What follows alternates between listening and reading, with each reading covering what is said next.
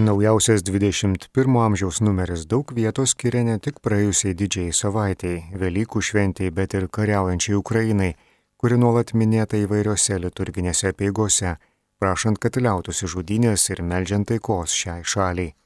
Čia rasite žinias apie tai, kaip didžiojo ketvirtadienio pavakarę popiežius plovė kojas kaliniams, kai buvo einamas kryžiaus kelias Romoje prie Koliziejaus, ką ypatingasis popiežiaus pasiuntinys kardinolas Konardas Krajevskis veikė lankydamasis Ukrainos sostinėje. Spausdinami Ukrainos rytų graikų apieigų katalikų arkivyskupo Svetoslavo Sevčiuko keli paskutiniai vaizdo pranešimai, kuriuose jis kasdien kalba apie agresoriaus niekšybės ir vertina ukrainiečių kovą. Arkivyskupas minėjo kaip atskleistus rusų karių seksualinius nusikaltimus, kurio aukomis tapo šimtai moterų, taip pat vyrai ir vaikai, netgi kūdikiai. Apie tai kalbėjo, kad okupantai pagrobė ukrainiečių turtą, jį pardavinėja Rusijoje ir Baltarusijoje. Dėkoju visiems, kurie drąsiai skelbė tiesą apie Ukraino žmonių kančias, visiems žurnalistams, kurie šiomis dienomis yra Ukrainoje ir rodo pasauliu žiaurę tiesą apie Rusijos nusikaltimus, netgi patys žūsta. Arkiviskupas Svetoslavas Sevčiukas svarstė, ką karo sąlygomis reiškia Dievo įsakymas negeisti svetimos moters, nors priešas labiausiai mėgsta tyčiotis iš moters, tarsi tai būtų daiktas ar trokštamas objektas. Keiščiausia, kad pasak arkivyskupo užfiksuoti pokalbiai, kaip rusų kario žmona ragina savo vyrą prievartauti ukrainietes, o kai kurios rusės tikisi pinigų žuvusius ar sužeistus savo vyrus.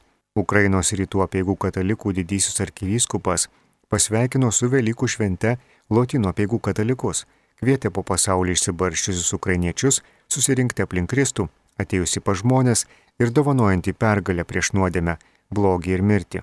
21-ame amžiuje spausdinama popiežiaus Pranciškaus Velykų žinia Romos miestui ir visam pasauliui. Čia vėl skirta vietos Ukrainai. Širdise turiu visas karo Ukrainoje aukas, milijonus pabėgėlių ir šalies viduje perkeltų asmenų, išardytas šeimas, vienišus senelius, sugriautus gyvenimus ir sulygintus su žemė miestus.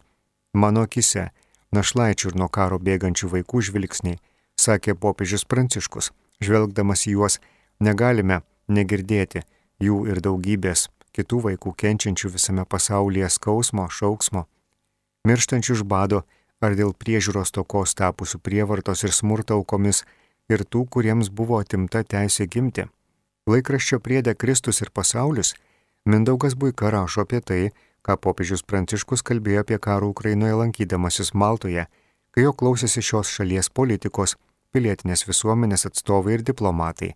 Jis pripažino, kad iš rytų Europos, kur auštant dienai pirmiausia pasirodo šviesa, dabar pasklido tamsus karo šešėliai. Pastaruoju metu numatyta, manyta, kad bent jau Europoje invazijos į kitas šalis, žiaurios gatvių kovos miestuose ir grasinimai atominiais ginklais yra tik niūrūs tolimos praeities prisiminimai.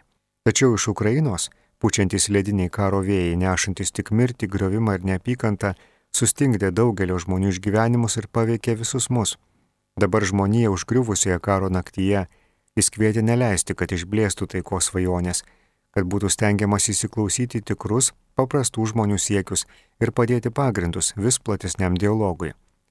Grįžkime prie susibūrimo tarptautinėse taikos konferencijose – kur nusiginklavimas bus pagrindinė tema, kur mūsų mintis suksis į ateities kartas, kalbėjo popiežius Pranciškus.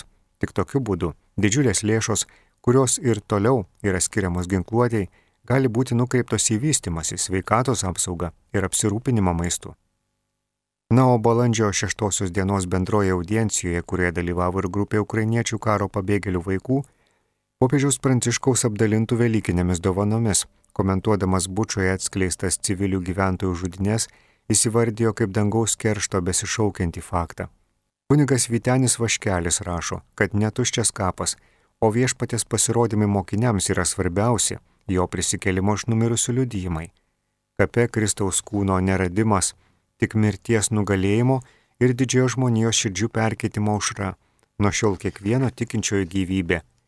21 amžiuje yra kelios naujienos iš parapijų Birutė Nenėnė apžvelgia didžiojo tridienio eigą Vilkaviškio katedroje, o Kazimieras Sipienė rašo apie verbas ir didžiąją savaitę garžduose.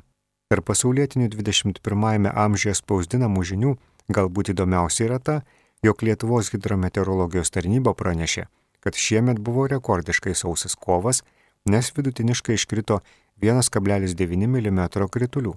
Kovas buvo ir saulėčiausias nuo 1961 metų, kai atliekami tokie tyrimai.